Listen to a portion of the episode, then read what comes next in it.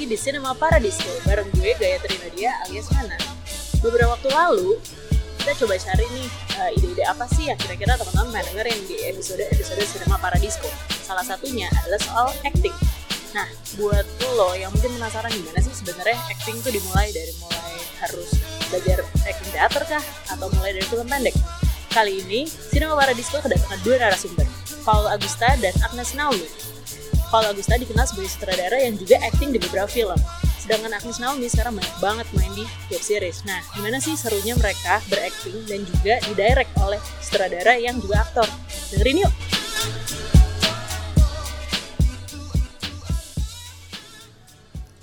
Halo, kembali lagi di Cinema Paradisco setelah sebulan kita kembali lagi nih ya. Dan kali ini gue tentunya nggak sendiri, bakal ada dua narasumber yang gue sebelumnya ternyata nggak setahu itu tentang mereka. Setelah tadi agak ngobrol-ngobrol nih sebelum kita taping gue jadinya akhirnya agak sedikit menganga nih sama dua. Uh, dia aktor tapi yang satu juga more than aktor. Yang gue tahu dia justru nggak acting tapi ternyata sekarang dia jadi mother of new talent nih menurut gue. Di sini sudah ada Paul Agusta Hai Paul. Halo. Dan Agnes Naomi. Halo, halo. thank you ya nih kita uh, thank you kita sekarang mau coba nih Cinema Paradisco main-main keluar ya biar nggak bosan di studio mulu dingin. Kita coba di suasana agak hujan-hujan ini. Jadi mungkin kalau teman-teman denger agak sedikit ada suara back sound back sound seru karena ambience. kita ya ambience ini lagi musim hujan nih ya masih ada suara rintik-rintik gitu. Nah ini ada Paul dan Agnes di sini. Uh, Paul Agusta gue tahu dia. Pertama kali gue nonton filmnya dia itu zaman-zaman di Kino Forum gue ngantri-ngantri bo oh filmnya dia Maci. itu filmnya kalau gue nggak salah yang at the very bottom of everything hmm. ya itu gue nggak tahu sebenarnya sebenarnya gue tuh mau nonton apa tapi kayaknya seru gitu dan ternyata ya gue cukup akhirnya mungkin itu salah satu perkenalan gue dengan film-film yang yeah. uh, eksperimental atau apalah orang-orang bilang saat itu ya jadi gue taunya dia ini sutradara gitu. sampai akhirnya uh, film-film seperti Parts of the Heart yang tentunya waktu itu uh, apa namanya lumayan gaungnya ke mana-mana juga nih. Uh, lalu kemudian ini yang selalu gue susah nyebutnya. Uh, semua sudah semua dimaafkan, dimaafkan sebab kita, kita pernah bahagia. pernah bahagia. Itu salah satu dokumenter ya itu ya? Iya dokumenter hybrid. Lalu uh, tahun ini Paul akan merilis lagi nih film yang kayaknya udah ditunggu. Gue udah denger film ini juga udah lumayan lama ya Paul. Syutingnya 2017 nah, setelah 2017 sekarang gue juga baru nonton tahun lalu di Jeff dan salah satu aktornya yang sudah duduk di sebelah gue juga Agnes nih tapi gue juga familiar sama dia di web series nah, mungkin teman-teman udah pada dengerin eh sorry udah pada nonton Anjas ya udah season berapa nih Nas? Uh, terakhir season 3 season 3 oke iya. okay. udah ada callingan untuk season 4? Insya Allah didoain aja. tapi ada web series lain kan abis ini? Ada, yeah. tapi masih surprise ya. Okay. I won't spoil it. Yeah. Nah, nih uh, pengen ngobrol-ngobrol pertama sama Paul nih ya. Setelah lu dulu dari film pendek gak sih Paul sebenarnya? Ada uh, yeah. ada syuting yeah. uh, film pendek itu. Hmm. Kalau mungkin ada yang udah pernah nonton filmnya Paul yang dari tadi tuh mungkin zaman-zaman ngantri-ngantri sama gue di Kino Forum itu sebenarnya kalau lu dulu awalnya bikinnya apakah selalu mau kayak gitu atau lo juga tiba-tiba lu sekarang filmnya lumayan sangat beragam menurut gue cerita-cerita lo nih kalau boleh tahu ide-ide itu okay. awalnya gimana? Um, gue sebenarnya sih nggak pernah mau terpaku pada satu genre ya um, atau tidak mau terpaku ke satu pendekatan membuat film. Uh, kalau dari dulu gue selalu ditanya dan itu mungkin jawabannya agak pretensius maaf. Um, kalau kalau gue ditanya style lo tuh apa sih Paul? Mm-hmm yang gue uh, yang gue inginkan adalah my style is no style. Um, jadi semua cerita yang menarik bagi gue, gue akan lakukan mm-hmm. genre apa pun, um, dan gue nggak akan memaksakan satu style ke semua cerita itu. Gue akan membiarkan ceritanya ngasih tahu gue, dianya mau dibikinnya seperti apa. Mm-hmm. Jadi gue akan lihat ceritanya dulu, tulis ceritanya, persiapkan bentuknya jadi kayak apa. Baru setelah itu gue lihat, oke okay, ini kayaknya lucu kalau pendekatannya seperti ini, hmm. gitu. Jadi makanya uh, kayak misalnya udah nonton kado hari jadi, terus nonton atau very bottom of everything, lihat banyak persamaan dalam apa hyper violence-nya dan hal-hal seperti itu. Tapi sebenarnya cuma sebatas itu doang, hmm. faktor psikologisnya. Nah, ketika gue ngeluarin Parts of the Heart, banyak banget yang ngomong ke gue. Uh, salah satu yang paling memorable adalah Alex Sihar. Dia bilang sama gue, itu yakin lo yang bikin? Nggak kayak lo. Parts of the Heart tuh manis, lo kan sakit. Ya, uh, Oke.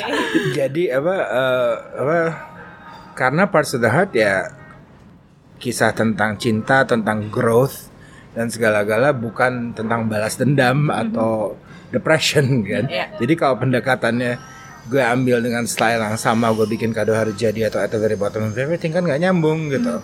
Iya. Nah jadi gue selalu ngikutin ceritanya apa dan cerita itu paling layak diperlakukan seperti apa, paling layak dibuat, uh, paling pantas dibuat dengan style apa dan itu yang gue jalanin.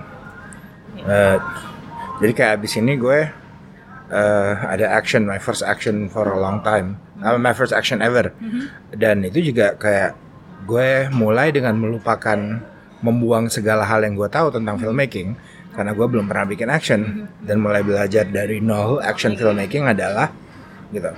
Dan abis itu gue I'm doing a comedy like a pure comedy which I've never done yang komedi panjang juga. Jadi semuanya gue buang lagi dan mulai lagi belajar bikin film komedi itu kayak gimana. Iya. gitu.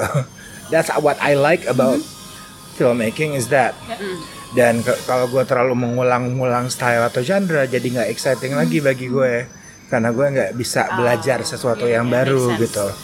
Uh, so I don't like repeating myself basically menarik juga ya karena sebenarnya kalau ini karena gue udah nonton sampai Parts of the Heart ya itu Iya. bahkan sampai kisah dua jendela alias Day Sleeper waktu lo bikin ke si Parts of the Heart dan ketika akhirnya disebut akhirnya wah manis nih gitu Hmm. itu boleh cerita nggak sih ketika apa memang ada satu posisi sendiri yang lo secara personal akhirnya bisa menghasilkan karya yang manis itu gitu karena kan mungkin banyak uh, filmmaker yang mau nggak mau pasti dia emang dari pengalaman pribadi atau gimana. Hmm. mungkin pada saat itu bisa share nggak sih?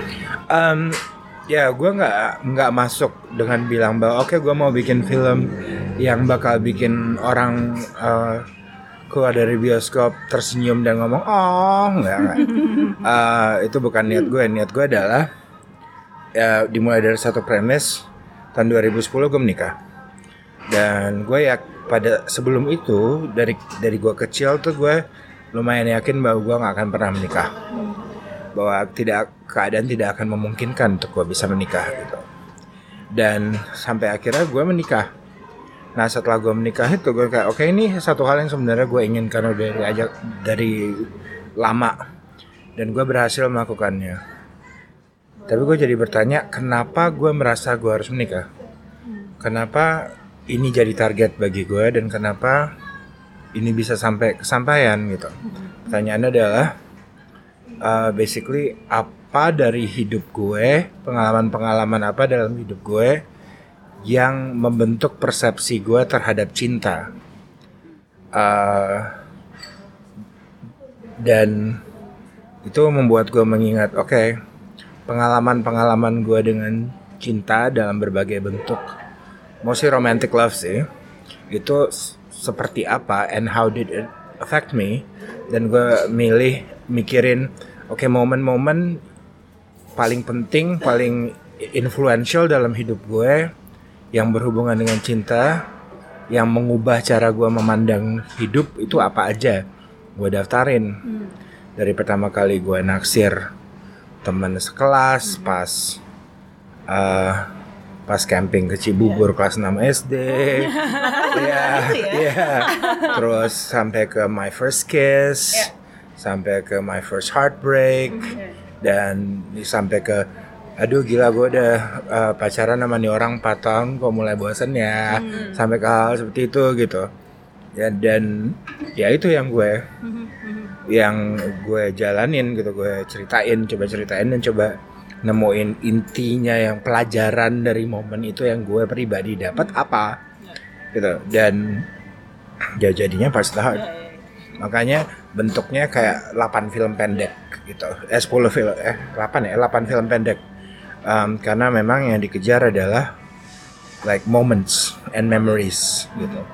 Jadi strukturnya seperti itu.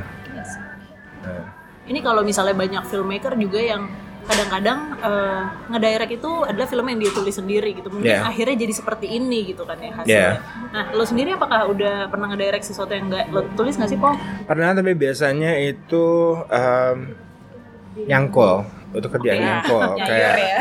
ya eh, itu eh, request uh, for hire work. Um, commission work ya Iya, commission work.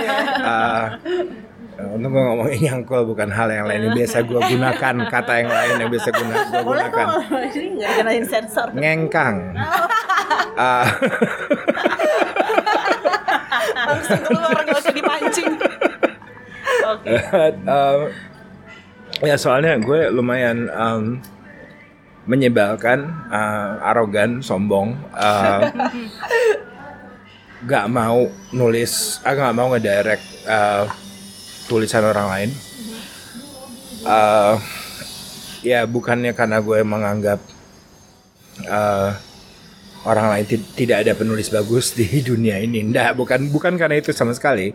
Cuman gue merasa kalau misalnya gue ini pe- film pekerjaan personal atau film yang personal bagi gue ya ceritanya atau approach-nya harus benar-benar jujur tandanya dari nolnya dari ceritanya harus berasal dari gue juga. Simpel itu sih gitu. Em, makanya itu gitu. Bukannya gue nggak percaya skrip orang eh gue beberapa kali ngerjain FTV dan segala-gala dengan beberapa penulis yang gue suka gitu. Um, which is fine. Tapi itu kan koneksi personalnya tidak sekuat kalau film gue beneran kalau film gue beneran itu gue prefer gue nulis. Eh, bukan prefer sih harus, gue. tadi ngomongin nulis nah gue juga jadi penasaran nih. You're an actor yourself ya. Tadi kita bahas ternyata Ish. filmnya ada berapa? 18. Udah 18. oh jadi director filmnya tadi berapa? Filmnya berapa as a director Paul? lima. Lima. As an actor? Film panjang lima. Film panjang lima as a direct eh, as a actor 18 18 dan ternyata lo acting dari tahun berapa tuh? tadi? 2012 yang 2012. professionally Ah, ya sih. nggak professionally regularly lah. Ya. Dan ini lo juga lagi lagi proses ya, eh, lagi syuting untuk lo as an actor juga ya Yeah, sekarang ya. yeah. Nah, ketika lo juga tahu gimana acting dan akhirnya lo as a director memilih cast nih. Nah, ini udah mulai masuk ke situ. Lo punya ini gak sih eh, apa namanya pendekatan-pendekatan khusus ketika melihat nih cast yang gue tulis apa untuk cerita yang gue tulis harus seperti ini dan lo sangat deket gitu. Apalagi tadi Hmm. gue kebetulan udah nonton Parts of the Heart ya. Mungkin ada teman-teman yang belum nonton nanti mungkin bisa cari pemutaran-pemutaran berikutnya. Ada di filmdo.com kok. Ah. f i l m d o o dot legal ya? com. Ya Nah, legal. bisa nonton itu legal dan bayar please Nah, please please. give me money dan ketika itu lo mencari aktor yang memerankan itu memori lo gitu basically eight versions of me Exactly, gitu. Plus nanti dengan film-film lain termasuk ketika uh, kisah dua jendela ada Agnes di sini gitu. Nah, lo sendiri gimana pendekatannya? Karena gue juga melihat mungkin kalau uh, Paul syuting tuh kayak bukan sekedar ini ya, apa namanya? Ini gue kesotoyan gue aja yang nggak pernah syuting sama dia, kayak bukan cuman director gitu, kayak punya hubungan sendiri sama aktor-aktor yang Harus, harus. Gue pengen tahu sih gimana selama ini. Well, gue gue know, gue merasa bahwa kalau dan gue tidak bilang bahwa ini harus in the sense that semua sutradara wajib melakukan ini different directors different approach. Tapi kalau gue merasa pada initial ngobrol sama aktor gue, gue tidak punya emotional connection sama dia, akan susah untuk gue dapat performance yang gue mau. Um, jadi gue cenderung um, mencari keintiman uh, sama pemain, apalagi untuk peran-peran besar, untuk bisa ngobrol secara dekat, um, agar gue paham kasarnya gini, gue mau ngelukis satu karakter baru di atas aktor gue sebagai kanvas. Gue harus kenal kanvasnya dulu kan.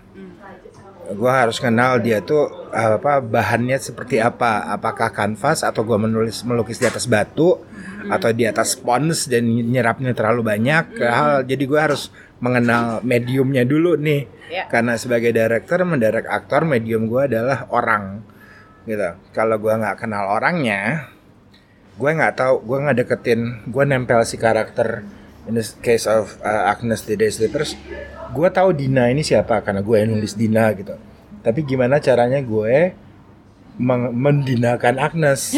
Gue harus tahu Agnes dulu kan gitu. Betul. jadi gue bisa oke Dina seperti ini Agnes seperti ini kesamaannya adalah ini ini mulai dari situ dulu di match gitu. Dan mulai bangun dari situ gitu. Eh, kalau gue nggak tahu Agnes siapa gue tidak bisa memaksakan Dina langsung ke Agnes gitu. Yang ada adalah gue akan menyuruh Agnes berpura-pura menjadi Dina Betul. tidak menjadi Dina yang dikejarkan menjadi ya, ya. gitu. Eh, so ya begitulah. Eh, gue emang ya almost everybody that's been in the movie with me has become my friends. Basically gitu. I ended up being friends Yeah, with most of my actors karena itu. And I like to build that relationship. Um, dan kalau latar belakang apa gue sendiri sebenarnya adalah kayak banyak. Dia beberapa orang yang kan apa sih dia tiba-tiba jadi pemain? gitu. Nggak tiba-tiba kok. Eh, first yang nggak kenal gue mu- mungkin nggak tahu bahwa eh, my dad is a poet was a poet and a playwright. So I grew up around theater and actors my whole life. Yeah. satu. Dua eh, waktu gue kuliah eh, di kampus gue itu kalau mayor lo penyutradaraan lo harus ngambil minimal dua semester acting. Gue naksi eh, apa naksir jatuh cinta, gue ngambil empat. so I have two years of professional training as an actor. Uh, dan uh, I was also um, ya di pas di kampus ikut teater kampus yang manggung uh, dua judul setahun Waduh, setiap season se- setiap ya. prosesnya panjang kayaknya. setiap season satu judul. Um, dan I was also ikut uh, satu season Southwest Shakespeare Company. Uh, ya. Doing Shakespeare first season. Okay, this is the first time that I know this, so I'm shocked. Uh, so I, I ini nggak baru bagi gue. Uh, cuman mati suri. Setelah gue balik ke Indonesia, kayak fokus gue adalah ke film di belakang layar. Pertama sebagai kritikus, lalu sebagai pembuat dan uh, sebagai kurator, lalu sebagai pembuat. Dan lebih fokus ke situ gitu. Kayak ya ada kangen-kangennya gitu, tapi kayak nggak ya ngapain sih diseriusin gitu. Uh, kayak jadi filmmaker aja susah masa mau nyambu nyambi gitu terus em, akhirnya yang bikin gue pecah telur lagi itu sebenarnya Lucky Kuswandi Hmm. Selamat Pagi Malam. Selamat pagi malam ya. ya. Dan abis itu kayak kok enak ya? Oke. terus Comeback, iya. terus gue bilang kayak I miss this gitu. Iya. lebih ke itu sih. Terus waktu itu juga main di film pendeknya Jason Iskandar walaupun cuman seliweran doang. Eh, dan jadi kayak abis itu eh, Sun Moon Hurricane terus kok jadi kayak ada gitu awal-awalnya kasarnya spesialis film teman gitu kan setelah mas banyak po. Ya, Mas- ya, jadi uh, Mas Garin ajak main cokro dan gitu. Uh, tapi it got to a point where dan ini sebenarnya transisinya setelah Copy of My Mind. Uh, gue diajak main Copy of My Mind dan I don't know what the hell happened. Gue dapat nominasi FFI pemeran pendukung terbaik. Um, dan itu it changed things. Uh, karena awalnya gue sebelumnya gue cuman hanya ya itu spesialis film teman hanya main diajak teman. Tiba-tiba yang mengajak adalah bukan teman atau orang-orang yang gue nggak kenal. Mulai ada offers from people I didn't know. Um, dan oh, oke cool ya udah yuk. Awalnya gue kayak yuk semi seriusin sementara gue lagi develop yang lain gitu Um, terus oke uh, akhirnya gue ngeliat kok callingan acting lebih banyak daripada callingan direct Uh, Hai. dan apa uh, the biggest credit I have to give adalah sebelumnya gue nggak punya pernah punya beneran punya manajer cuma orang yang bantu gue scheduling doang gitu Uh, the credit goes to sebenarnya the guy who's been my manager the last year or so um, karena ya gue bilang 18 film itu 9 tahun lalu saja. Gitu. Dari Ya. 2012 tadi tuh ya. ya 9 tuh in 2018 I shot 9 films. Dua itu film teman dari gue gitu. Tujuh dia nyariin. So he's sort of really uh, changed my career a Yeah. lot. Um, so I've been doing a lot of films because of his hard work. Gitu. um, dan, dan gue ya menikmati sekali. Tapi memang kalau ditanya first and foremost gue memang sutradara. Tapi gue selalu merasa bahwa seorang sutradara nggak perlu jadi aktor tapi sebaiknya belajar basic acting. Ya. itu de- kepercayaan gue dari dulu dari gue kuliah. Karena awalnya gue juga bertanya kenapa ya gue kuliah eh, mayor gue punya sutradaran tapi kok disuruh ngambil acting dua semester gitu? Itu wajib. Itu udah apa it wasn't an elective gitu. Semester itu wajib ambil. Dan ternyata karena setidaknya kampus gue waktu itu merasa bahwa seorang sutradara tidak akan bisa jadi sutradara kalau tidak memahami bahasanya aktor atau prosesnya aktor. Dan gue melihat itu banget. Salah satu yang gue pelajarin dari pengalaman gue main beberapa tahun terakhir adalah dan tanpa menyebut nama atau memojokkan siapa-siapa gue beberapa kali dapat sutradara yang kayak benar-benar buta cara ngederek aktor yang gue merasa tidak disentuh sama sekali Uh, Oke, that sounds dirty. Jangan lo seneng yang bersentuhan dengan semua hal Iya. Tuhan. Aku senang disentuh. Um, ya, tapi kayak dan bukan gue doang kayak di di film-film itu kami kami para aktor yang main tuh kayak mengeluhnya kok ini kayak, kayak dilepas banget ya gitu. Dan itu terjadi beberapa kali gitu. Either dilepas banget atau ada uh, micro dir- directing. Uh, dan Berbayangan ya. ya micro micro directing tuh kayak yang gue sebut micro directing tuh sebenarnya kayak semuanya kayak director nggak percaya aktor Oh. Kayak- sampai nada sampai nafas sampai langkah tuh didikte Iya, iya, iya. kayak contohnya gini Agnes kamu masuk lewat pintu itu kamu melangkah empat langkah tarik nafas nengok ke kiri lurus lagi maju lagi dua langkah duduk tangan kananmu taruh di atas meja nafas lagi tarik nafas lagi angkat gelasnya minum taruh cut. Ada yang kayak gitu? Atau sampai semua kata harus pas sampai intonasinya harus ditentuin dan segala galanya nah gue pernah ngalamin gue again gue nggak akan nyebut Iya. situasinya apa gue digituin. Dan seharian penuh nih ya awalnya gue yang kayak ya sudah lah ya ya sudah lah ya ya sudah lah ya. Diam sabar patience chill. Tapi setelah scene keberapa hari itu dan udah malam banget gue digituin dan seribet yang tadi gue co- contohin sepanjang itu gue yang kayak sorry bro I never say bro unless I'm I'm pissed off biasanya kayak I say bro sarcastically. Sorry bro. Um, lo nggak mau jadi director animasi aja? Oh, ouch. Ah. karena kalau lo mau ngontrol aktor sedetail itu mendingan you either do puppets or animation. Uh, cause you're not trusting your actors. Uh, Action. ya he was not happy tapi kayak ya oh, sorry Paul sorry Paul. Oke. uh, cause he was much younger and newer than I am so he was yeah. Uh, tapi gue gue it wasn't nice for me to say that tapi gue udah kayak numpuk banget pada saat itu. Jadi gue kayak that's not how you talk to actors. I mean gue nggak bilang pendekatan gue benar tapi uh, the different different directors have different ways of approaching actors. Tapi yang paling clear adalah an actor needs to know why they're doing do- what they're doing gitu True. kan. Uh, menurut gue kegagalan itu terjadi kalau misalnya seorang sutradara hanya ngasih apanya.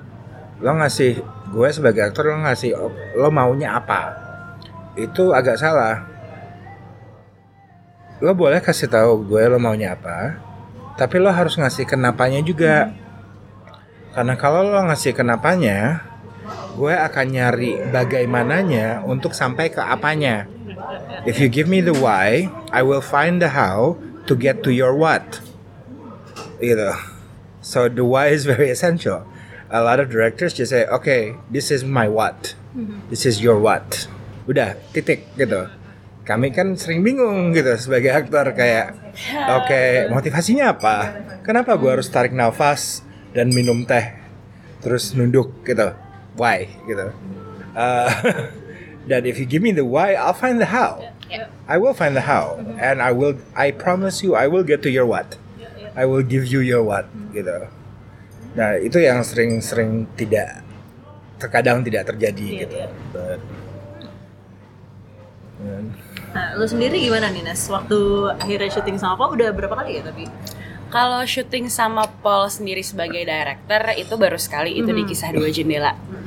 And it was one hell of an experience. Although uh, Although it was a dia- good gua- experience, sorry.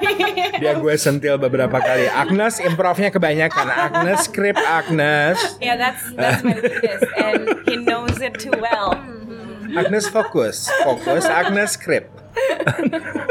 Jadi di kisah dua jendela ini Agnes berperan sebagai siapa tadi namanya? Dina. Dina ini eh, jadi nanti nih film yang akan tayang eh, kisah dua jendela ini diperankan Dinda Kanya dan Kifa Iskak. termasuk Agnes sendiri ya. Iya, gitu. betul. Nanti mungkin bisa tadi tuh yang tadi diomongin Paul tuh dia sebagai aktor gitu terrefleksikan gak sih ke, ke lo sebagai yang akhirnya jadi aktor yang main di filmnya dia gitu ini di- boleh eh, bebas kok ngomong Iya gambaran ya Iya. sedikit ya.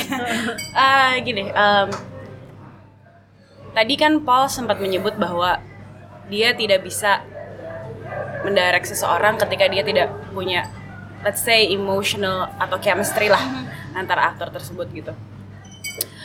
Dan gue berasa banget karena kan gue kenal Paul ini ini sedikit kronologi ya.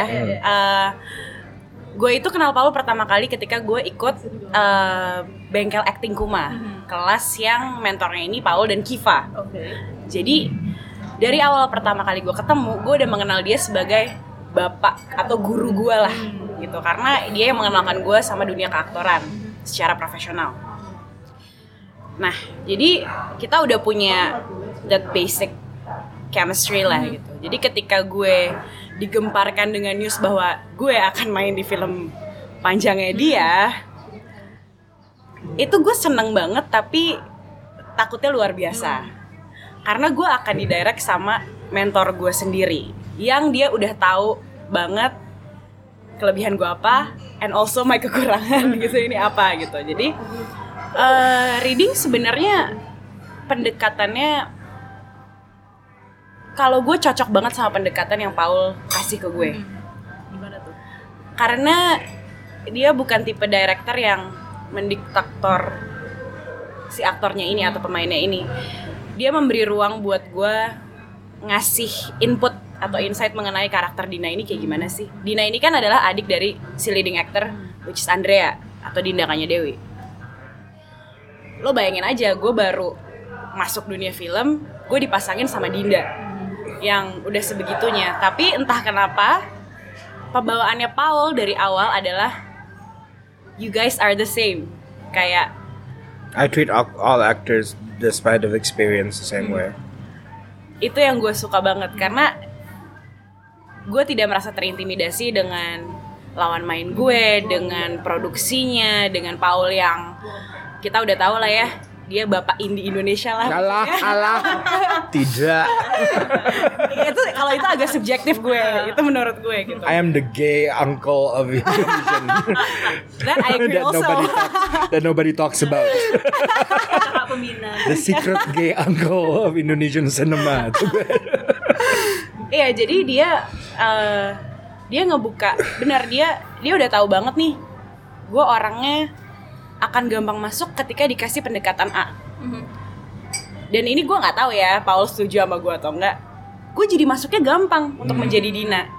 Yang sebenarnya Dina itu karakternya sangat jauh sama gue yeah. dari segala backgroundnya gitu. gue mulai langsung dari ya itu dia kakak lo yang ngurus hidup lo dari kecil sejak orang tua lo meninggal ya dia gitu gue kayak ya udah just act like dari sekarang that she's your sister. Dan ya back basic character backstory bahwa Dina itu se-hardworking kakaknya tapi lebih sering karena masih muda masih lebih sering panikan bla bla bla bla bla. Kayak gitu ya just basic family and character history. Yang sisanya gue minta mereka berdua Dinda dan Adina dan Andrea untuk menemukannya sendiri. Dan Gitu. Dan yang paling signifikan gue berasa adalah ketika produksi selesai, gue nggak tahu nih Paul punya magic hand atau dia emang jago aja narasinya bikin orang baper atau gimana gue nggak ngerti. Tapi sampai sekarang pun gue hubungan gue dan Dinda atau Andrea itu masih dekat.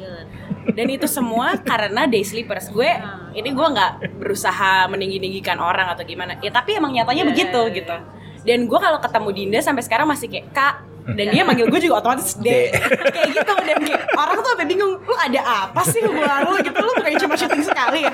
Ih gue juga gak ngerti sih. Tanya aja mas sutradaranya deh.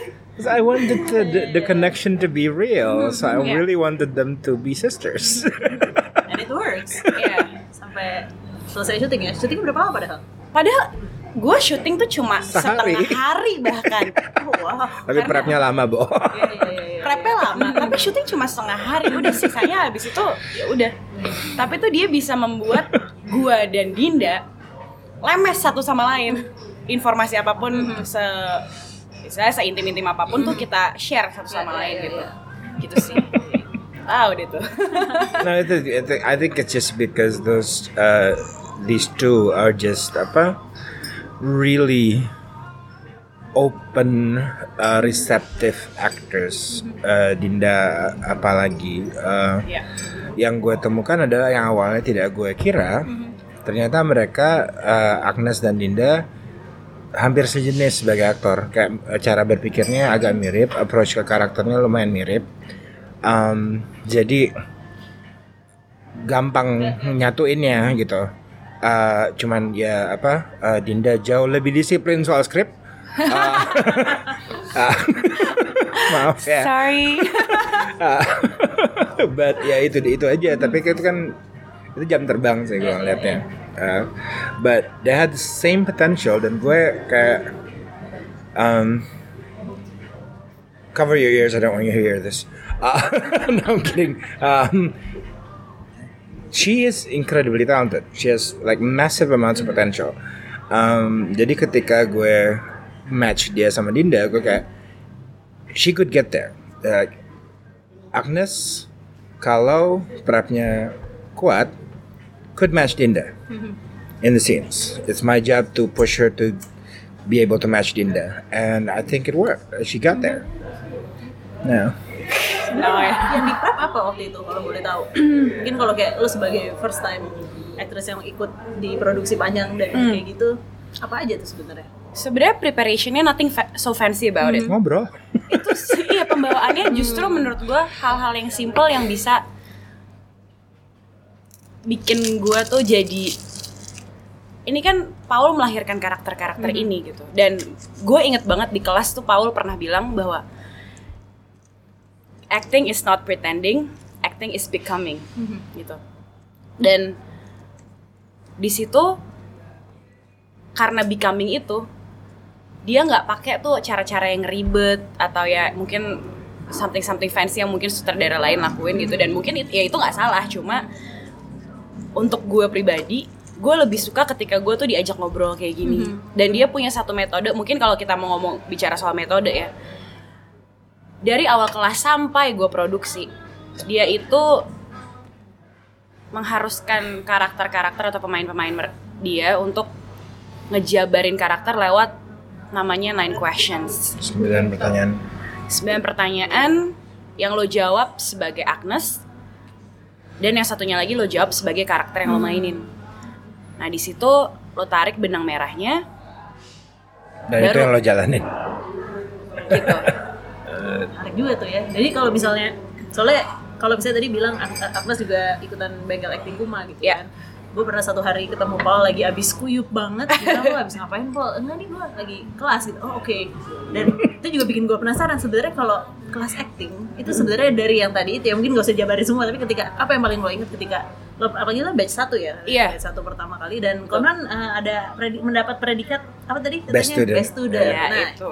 itu kalau yang paling lo inget ketika lo di ikut kelas itu sampai akhirnya nempel ke karakter-karakter yang setelah itu lo peran kan apa sih Capek.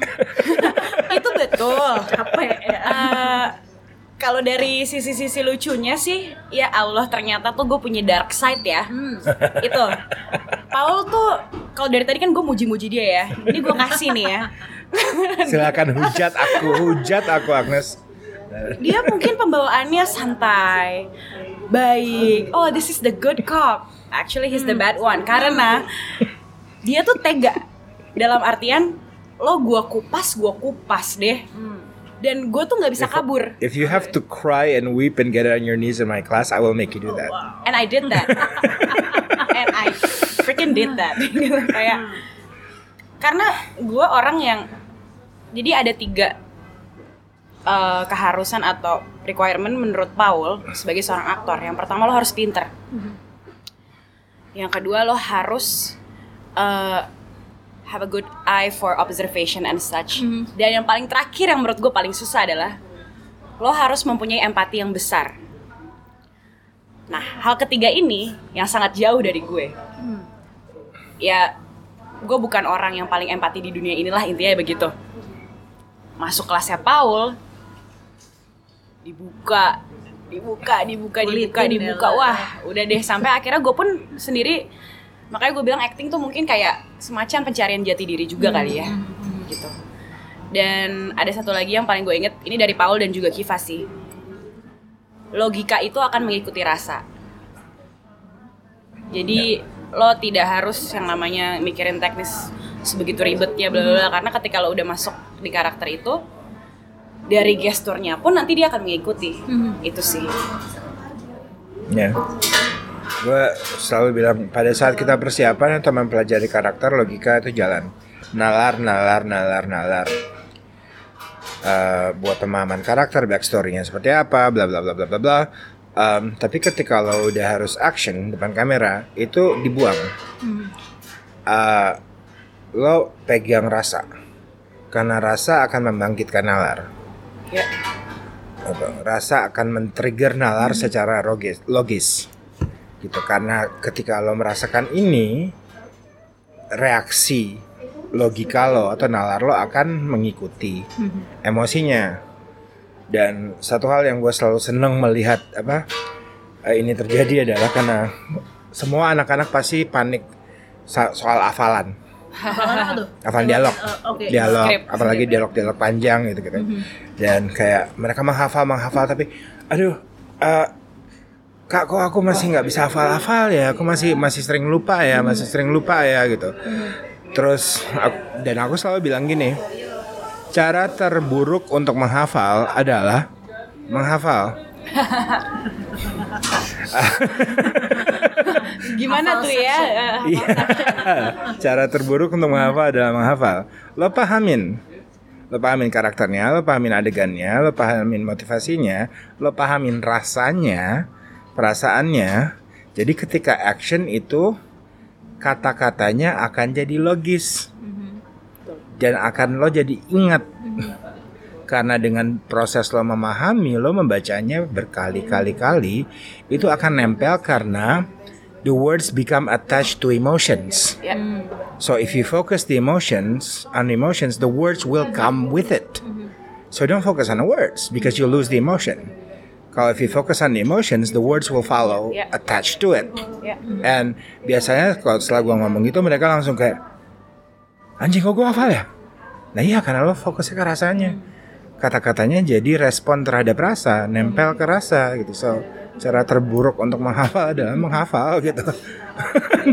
Dan- tapi tadi lu beberapa kali nyebut aku harus fokus sama skrip gitu. Emang sejauh mana sebenarnya lo sebagai director yang juga acting tadi lu sempat protes sama sutradara lain ketika harus se- sekaku itu.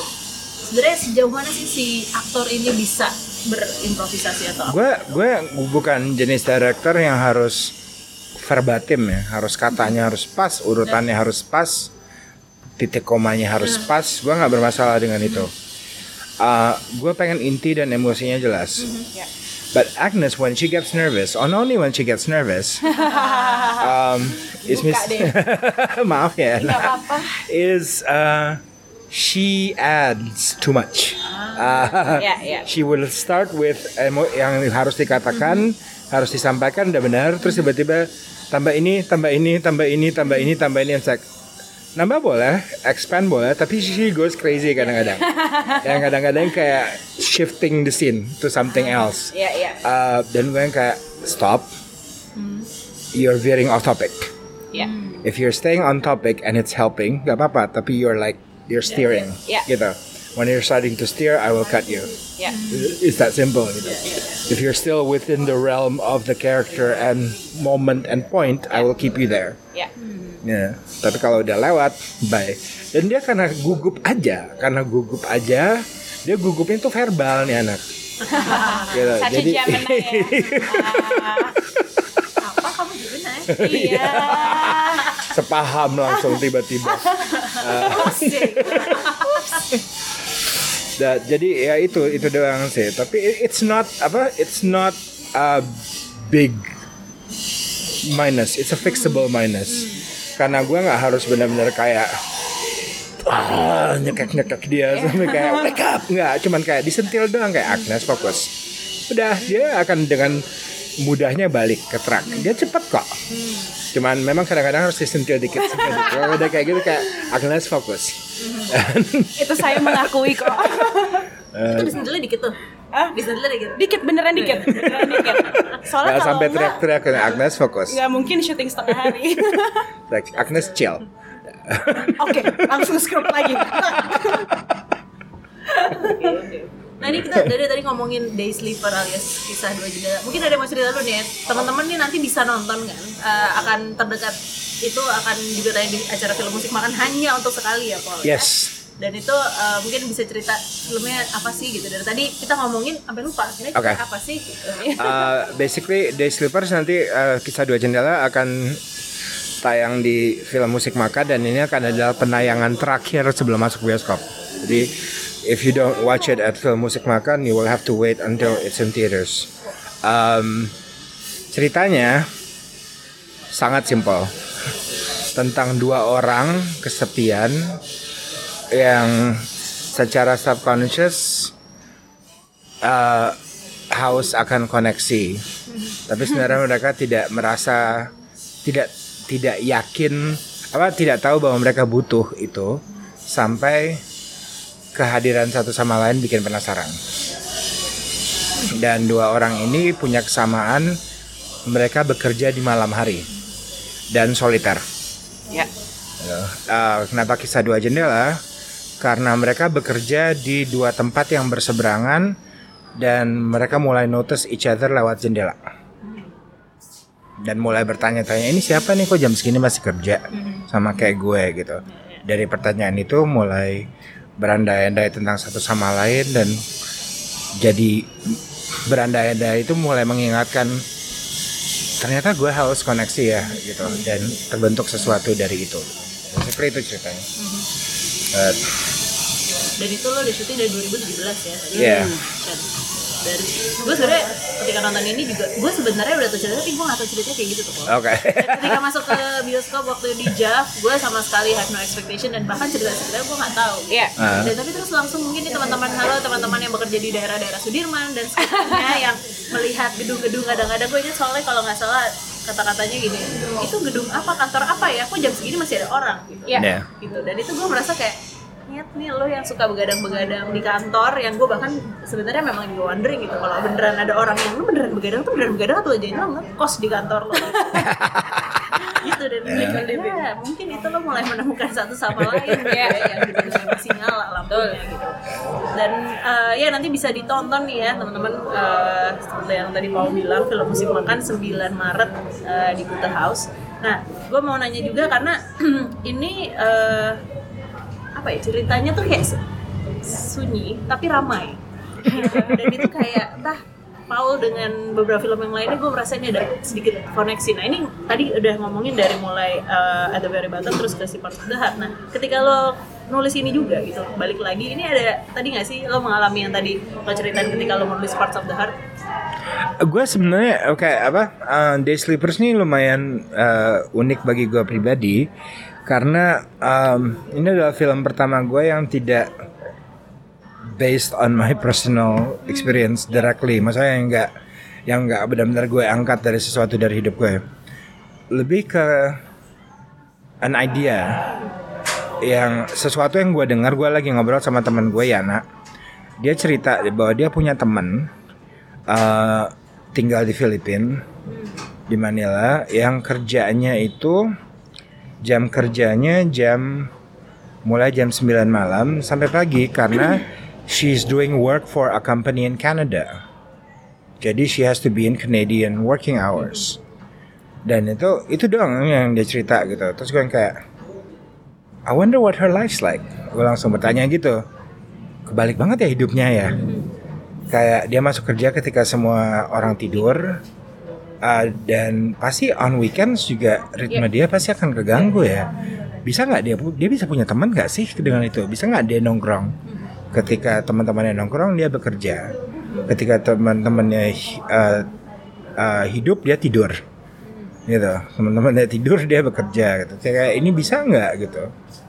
Jadi mulai pertanyaan itu uh, apa berangkat dari situ dan kayak akhirnya pertanyaan paling kuatnya adalah orang seperti apakah yang memilih profesi itu?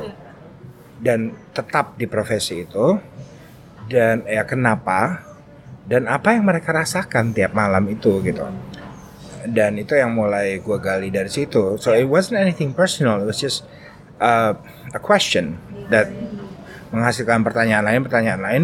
Gue connectnya because of course siapa sih di manusia ini di dunia ini manusia yang nggak pernah merasakan kesepian yeah. gitu dan itu yang gue relate ke itu lonelinessnya uh, dan the need for connection dan itu yang gue fokusin dan jadi bertanya tapi ini ini Jakarta loh orang apa populasinya belasan juta orang gitu is it possible to be that empty and that lonely in a place with these many people. It is. Malah karena the more people it is, uh, the more people there are di Jakarta, kemungkinan untuk lo makin kesepian makin besar. Hmm. gitu. Dan itu salah satu hal yang gue bahas di sini gitu. Yeah. Lo akhirnya sempet gak sih ketemu sama si orang yang diceritain atau? Tidak, tapi gue mencari orang menemukan orang lain. Um, karakternya Andrea, eh, karakter Dinda si Andrea ini gue bikin uh, stock analyst. Yang ditugasin oleh brokerage firmnya untuk megang New York Stock Exchange, which means jam dia kerjanya jam starting 9 9 a.m. Uh, New York Stock Exchange bukannya 8.30 kan, jadi 8.30 dia sudah bekerja gitu. Uh, dan gue menemukan orang uh, beberapa orang yang memang profesinya kayak gitu dan ada. Mm-hmm. I found three. Di Jakarta. Di Jakarta, in different uh, three different brokerage firms. Uh, yang dua memang pegangnya adalah South America, yang satu agak beda sedikit jamnya, tapi megang karena megang London.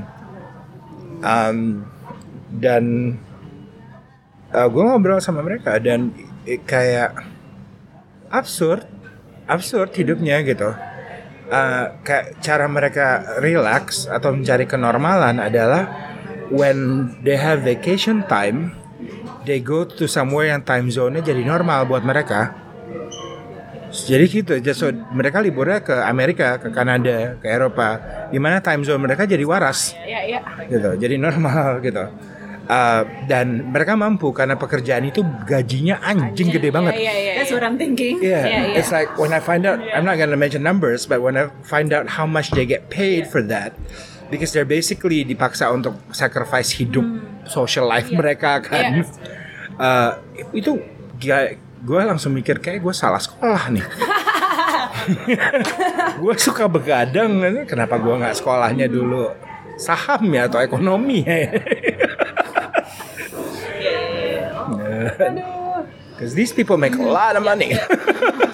plus percentages juga kan Iya, iya. of the stocks they buy. Iya, iya, iya. Gitu. ternyata Hmm. gue juga yakin sih orang yang lagi mendengarkan ini mungkin adalah salah satu berapa persen dari orang itu walaupun mungkin gajinya nggak segitu ya Bo Ya. Begadangnya aja Iya iya iya. Kayaknya tahu tuh arahnya ke mana ya. Oke, nah ini mungkin lebih seru kalau Adi nonton nanti akan diskusi ya. Paul juga akan hadir ya untuk diskusi setelah Pasti, nanti ya, pasti. Kalau makan Agnes mungkin juga ya dan Ya, pasti. Nanti Agnes dan Kiva juga akan datang. Ya, pasti. Mungkin nanti juga sekalian nih, eh, tadi kita udah ngomongin The Sleeper, gue pengen ngomongin untuk masing-masing eh, project berikutnya nih yang lagi ongoing karena gue jujur nih ya, mau ketemu Paul susah banget. Tapi Banget. giliran ketemu waktu itu gak sengaja. Terus kita ngeliat, iya oke nih jadwal syuting, terus ya terusnya banyak. Berarti kayaknya untuk film ke berapa? 19 ya? Ya. Di film ke-19 ya di as an actor nih kayaknya scene-nya gak mungkin cuma 3, Bo. Banyak banget, Bu. This is the Iya. most I've ever had. Iya, iya, in a- so ini film apa? eh, action ya? Ya. Judulnya Preman, uh, sutradaranya Randolph Zani, uh, baru uh, di sini feature film pertama dia. Tapi sebelumnya dia udah bekerja kayak 7 8 tahunan di uh, Amerika in LA in Ho- Hollywood sebagai sound designer. Um, lulusan USC, baru balik pulang ke Indonesia, bikin film panjang pertamanya. Um, dan skripnya gue suka banget. Action tapi drama dan karakterisasinya itu kuat sekali dan um, gue ya gue sebelum sebelumnya ya mentok lah 12 scene lah 11 scene lah gitu. Basically atau kadang-kadang malah cameo plus plus cuman ya cuman dua scene tiga scene empat scene gitu. Um, tapi eh, di sini gue 31 scene. Waduh, bayangin aja skripnya berapa halaman itu ya. dengan beberapa scene fighting dan eh, if you've seen me you know that I'm not exactly in fighting shape. Eh, ya tapi memang koreonya didesain untuk ukuran gue jadi kayak ah, dorong banting lempar dorong Iya. banting lempar gitu. Dorong membanting melempar, Iya. bukan didorong. Oh, Nggak. bukan, bukan. gue akan kagum kalau ada yang bisa ngebanting lempar gue. Dorong mungkin masih mungkin ya. tapi Kalau ada yang bisa Iya. Membanting dan melempar. melempar gue tuh gue gue basically a human wall di sini and a bulldozer karakter gue berantemnya tuh benar-benar kayak bulldozer cuman kayak dorong dorong Iya. you're in my way you get picked up you get thrown basically gitu it, it's it's fun. Eh, capek. Iya, pasti. energinya gila. Memar-memar nggak, Paul? Eh, enggak eh, belum sih. Eh, kamu Belum bilang enggak ya. belum. Tapi punggung gue udah lumayan teriak-teriak sih. Eh, yang yang mengagetkan bagi gue adalah ketika kayak dorong-dorong yang ngangkat pun ngebanting tuh gue nggak masalah. Ketika gue jatuh. Jadi ada beberapa scene di mana gue eh, harus jatuh karena kena pukul atau apa ada satu gue kena tusuk dan kena tembak. Eh spoiler sorry. Ah, badannya jatuh-jatuhnya itu yang yang merusak punggung. Iya. karena kayak slam ow another take slam ow Kayak, ya itu itu yang ganggu. Tapi waktu lo ngajarin acting di bengkel acting rumah itu, itu lo berarti ngajarin semua eh, any genre ya, termasuk kayak gini pun kalau Yeah. misalnya lo masuk situ lo akan ready dengan segala Yeah. genre. ya uh, emphasis kita memang ke film acting tapi we're, we prepare you for everything Uh, almost everything um, kenapa pengajarnya uh, pengajar intinya dua tapi sebenarnya tim kami itu empat orang Uh, sekarang kalau di zamannya dia cuma dua Uh, OG. um, itu karena gue ngurusnya internal uh, character development Yep. uh, uh, methods of uh, invoking character shaping character getting to know yourself getting to know emotions how to control them bla bla bla bla Ya. Kiva dan timnya itu fisik Oh. jadi gue memaksa kalian, memaksa eh, mereka mengenal seluk-beluk emosinya, dalamnya, triggernya apa aja, cara mengontrolnya, cara itunya. Sedangkan Kiva dan timnya memperkenalkan mereka ke tubuh mereka sendiri. Eh, dan gimana cara menyambungkannya ke rasa. Itu. Eh, jadi anak-anak tuh capek karena dibantai secara fisik. Di angkatan dia tuh masih lemes, apa masih masih enak. Mereka tetap kecapean. Kalau ngeliat anak-anak yang dari batch 2 ke sini, itu gue aja ngelihatnya capek. Um, karena dibantu oleh dua kawan uh, yang latar belakangnya teater. Um, Atasha Sudirman dari Teater Tetas. Strong by Tasha. Yeah. everyone call Zumba lagi ya, Bo? no, everyone calls her strong by Tasha because she just like anak-anak tuh bingung ini gimana sih emak-emak beranak satu ini kok tenaganya segitu dan se-fleksibel itu dan semua tuh benar-benar dibongkar balik di pretzelin abis sama dia gitu di pretzelin dimartabakin Semua deh. Um, dan satu lagi Kiki Narendra dari teater populer. Uh, so it's it's really benar-benar ketubuhan mereka tuh di shape banget. Ya. Uh, karena gue tidak, again, gue bukan orang yang tepat buat mengajar ketubuhan. Mungkin yang lain ya. Tubuhan yang lain. Uh, aduh. Uh, but yeah, uh, so tim kami sangat sangat sangat oke sih menurut gue. So if you're in our class, Complimentary you will get a lot. You will get a lot gitu. And it's intense. It's uh, cuma 8 kali ketemu tapi it's 5 jam sekali ketemu. For me it's a journey. Ya. 5 jam dalam uh, dan itu sebulan aja. Ya. Dan ini udah batch berapa nih yang mau Yang- yang udah lulus? Tiga batch uh, basic, satu batch intermediate. Oke. Ini batch 4 akan mulai dalam waktu dekat. Masih ada space nggak kalau buat ada yang mau? Pendaftaran belum dibuka. Oh belum dibuka. Baik. Ya, baru akan dibuka di Maret. Tapi waiting list sudah banyak. Waiting yang udah menyatakan ingin sudah uh, melebihi kuota, tapi we'll see. Siapa cepat dia dapat. Betul. Dan tadi tuh kalau nggak salah Agnes best student itu apa sih sebenarnya rewardnya? Rewardnya adalah uh, yang uh, we always pick one student yang menurut kita progresnya uh, paling besar dan potensinya paling kuat dan itu rewardnya adalah main di satu project gue apa pun itu. Nah ini sudah ada hasilnya ya. In my case they sleep. Iya. Bam digiri. Nah kalau Agnes sendiri nextnya nih selain kayak web series sih kayak banyak nih. Dibilang banyak aminin aja ya kalau banyak. Web series queen. Ya kalau next kalau terakhir kemarin aku baru selesai produksi film pendek. Eh, lawan mainnya juga salah duanya murid dari Paul sendiri juga. Di Jadi acting ya. Chico sama Bismo. Chico ya. sama Bismo. Jadi deg-degannya tuh double karena istilahnya ini produk Paul disatuin jadi film Yang pendek. deg-degan gue Iya. sebenarnya. Apalagi dia udah dikasih lihat sekelibet scene-nya. Si Chico masih lihat gue kayak udah dikasih lihat. Aduh, gue pas ketemu Kak Paul makanya gue kayak Kak kamu sudah lihat ya. Tapi dari yang gue gue belum melihat keseluruhan, tapi dari yang gue lihat adalah mereka merata, kayak equally strong and responding to each other very well. I'm I'm very proud of them. So, yeah. Thank you. Eh, kalau nextnya mungkin saya udah pernah nonton ada salah satu web seriesnya Provoke namanya Anjas. Jelas banget sih. Anjas banget sih. ya itu yang mungkin eh, dalam waktu dekat akan mulai produksi lagi untuk eh, produksi berikutnya itu insya Allah season 4 Wow udah 4 season ya. Dan- Berapa episode sih 3 season kemarin? 14 episode. I'm very proud of Anjas sih, because uh, apa, it's like two sides of my life gitu. Uh, uh, gue bangga banget ngeliat kualitasnya karena apa? Uh, karena yang main acting student gue yang nggak direct anak murid gue di binus dulu. Iya. Jadi so, Paul so tuh I have good students. Iya, I have of Dia apa good mentor. indie itu. Oh iya Bapak Indi Indonesia. No, no, because I, I, I'm very proud of my students. They're all doing really good work. So, Tapi sebenarnya bisa direfleksikan juga karakternya Paul dari eh, job-job yang didapetin oleh acting studentnya ya. Karena kalau Paul kan terkenal dengan cerita-ceritanya dia yang dark atau mungkin depresif. It's all about intensity. Tapi sebenarnya dia juga receh sekali gitu loh. Jadi Oh sangat. sangat gitu.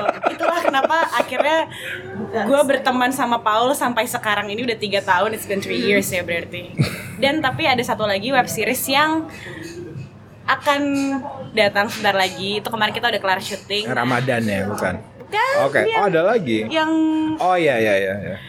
ini spoiler sedikit ya jadi eh, kami komunitas dari bengkel acting Kuma um, decided to make a mini series yang kami buat untuk kami dan mungkin orang-orang biar tahu juga gimana sih sebenarnya bengkel acting Kuma tuh kenapa orang tuh animo kita studentsnya tuh Segitunya. kalau boleh pede dikit nih kita maksudnya solid gitu maksudnya sampai sekarang sih kita belum menemuin kesenjangan sosial. Bahkan kan murid-muridnya kan maksudnya bervariatif ya. Ada yang dari artis FTV ada yang aktor teater ada yang bukan siapa-siapa gitu.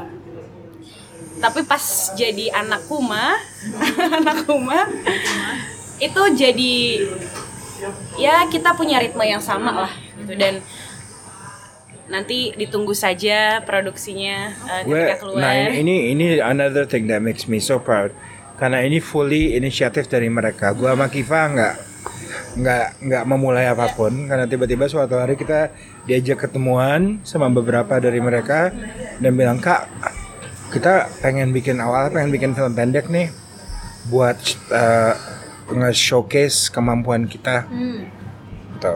Uh, gue kayak wah oke that's a great idea. Masing-masing anak-anak bengkel kuma tuh bisanya apa gitu Uh, buat orang tahu aja bahwa you know sekalian jualan sebagai aktor lah gitu. Uh, sem- semacam online showcase.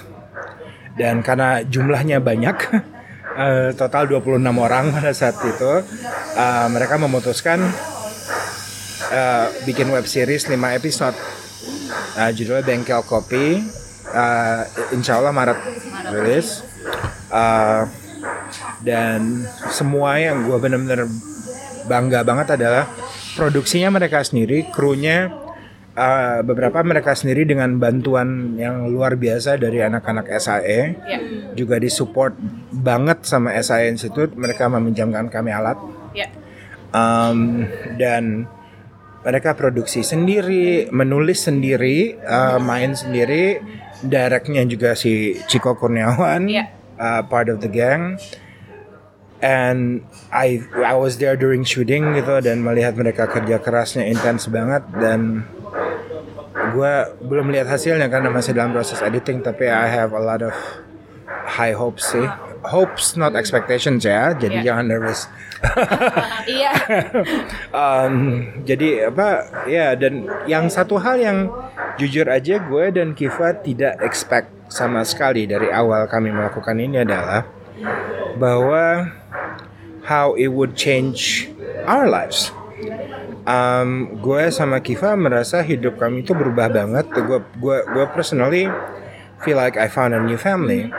Uh, karena gue gue beneran nggak nyangka bahwa anak-anak ini dengan jeda-jeda berapa bulan atau uh, berapa tahun ini kayak sama Agnes dan Bash 2 gitu Yep. bisa terkoneksi dan jadi lengket banget.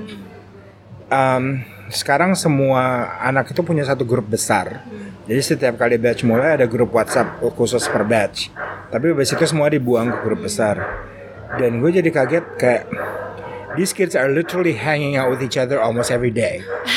kayak kalau lihat instastory mereka yang nongkrongnya itu itu terus aja. gitu kayak gue yang kayak we they become a family like a real family dan gue kayak tidak menyangka itu dan senang banget gitu bahwa ya mungkin karena seperti dibilang Agnes tadi the workshops are really intense. Ya. emotionally intense di mana kita harus membeberkan diri kita secara total di depan orang. Ya. jadi automatically orang itu orang itu akan jadi dekat sama kita. Ke sini semua orang di ruangan itu sudah ngelihat dekil dekilnya lo gitu udah ngelihat lo nangis merengek-rengek di depan kelas gitu. Kupas-kupas Iya. tadi. jahat-jahatnya kita. Iya gitu. Jadi karena itu ya ada uh, trust built. Ya betul. Um, karena satu hal juga yang selalu gue eh, emphasis eh, gue tekankan adalah um, apa pun yang keluar hal-hal personal yang keluar di dalam kelas stays there. Ya nobody talks about anybody. Ya Gitu. nggak boleh hukum- eh, hukumnya haram karena aktor harus punya personal space itu safe space itu untuk bisa prosesnya prosesnya itu harus proses yang aman dan nyaman gitu So ya mungkin karena itu sih. So they become very close to each other. Uh, juga nih gue. Maret ya? ya dan saling yang gue suka saling support gitu. Uh, casting ngajak-ngajak. Oh, biasanya kalau kayak gitu kan suka Eh, kadang kayak- siapa iya. gitu ya. Setiap kali ada info casting dibelas di grup terus yuk janjian casting bareng terus datang ke casting bisa sekali bertujuh. Iya. Dan sebenarnya kita mengejar project yang sama, cuma ya udah ketika yang satu dapat yang satu enggak. Seneng, pada seneng. seneng gitu. Iya. Gak tau kenapa Paul dan Kiva ini atau bengkel acting gue ini memanusiakan manusia lagi gitu loh. Karena gue bilang sama mereka kayak like it's irrational to be in competition with your classmates. Irrational. Um, karena keputusan apa casting itu tidak sehitam putih lo bagus atau jelek gitu. Keputusan casting itu tergantung ke banyak hal, ke kayak tinggi badan, uh, style rambut, kayak aduh kayaknya hidungnya kurang mancung, hal-hal bodoh yang lo nggak bisa kontrol gitu. Giginya kurang jelek. Iya, iya atau itu gitu. Jadi kayak benar-benar kalau misalnya Agnes merasa terancam sama temennya, itu nggak masuk akal Nggak. karena bisa aja alasan eh, temennya dapat bukan Agnes karena mungkin temennya 3 cm lebih tinggi Ya. gitu atau apa eh, hidungnya sedikit lebih pesek gitu. Iya. or something bodoh kayak Iya, gitu. iya, iya, betul. so it- it's you can't control. Makanya I always say in class and Kiva always repeats this juga gitu um, the only thing you can control you can compete with is yourself. It's irrational to compete with That's other true. people. Gitu. Karena the only thing you can control and manage is your own performance your own preparation. Jadi lo nggak bego aja kalau lo, lo- lo panik sama teman lo bakal dapat atau enggak. Kalau bersaing sama orang. Karena lo nggak bisa kontrol dia lo nggak bisa kontrol reaksi terhadap dia. Yang bisa kontrol adalah lo siap nggak?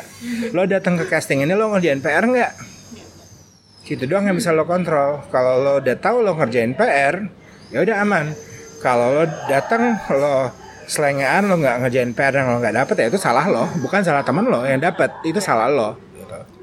Eh, so ya it's it's jadi mereka gue sering lihat di IG story mereka yang kayak lagi antri casting terus lihat gue liat antriannya di videonya kayak lah ini mah there's at least 10 of them there gitu. Ini mah keroyokan ini. Iya, jadi itu buat para calon aktor atau aktor-aktor di luar sana nih ya, wisdom word from director, writer, actor, dan juga juga penjual. pelacur sinema itu gue Oke, thank you banget Paula Gusta, Agnes Naomi. Gue Thank you. banyak jadi tahu hal-hal baru juga ya. Iya. Di sini gue mau ikut acting nih. ayo yuk Kelas basic harus kuat nih ya gitu. Siapin mental aja cukup. Oke, good luck buat semuanya nih ya. Thank you so much. banyak banget. Kalau Amin. mau Amin. follow Paul di sosmed dan Naomi mungkin di mana? Uh, Instagram which is my most active thing uh, at Paul Agusta 1 Twitter Paul underscore Agusta Kalau aku Instagram sesuai nama @agnesnaomi, eh, Twitter @agnesnm. Oke. Good luck semuanya dan kita ketemu di film musik makan 9 Maret. Pasti yes ma'am Yep. tunggu. thank you so much thank you Terima kasih banyak. Bye-bye.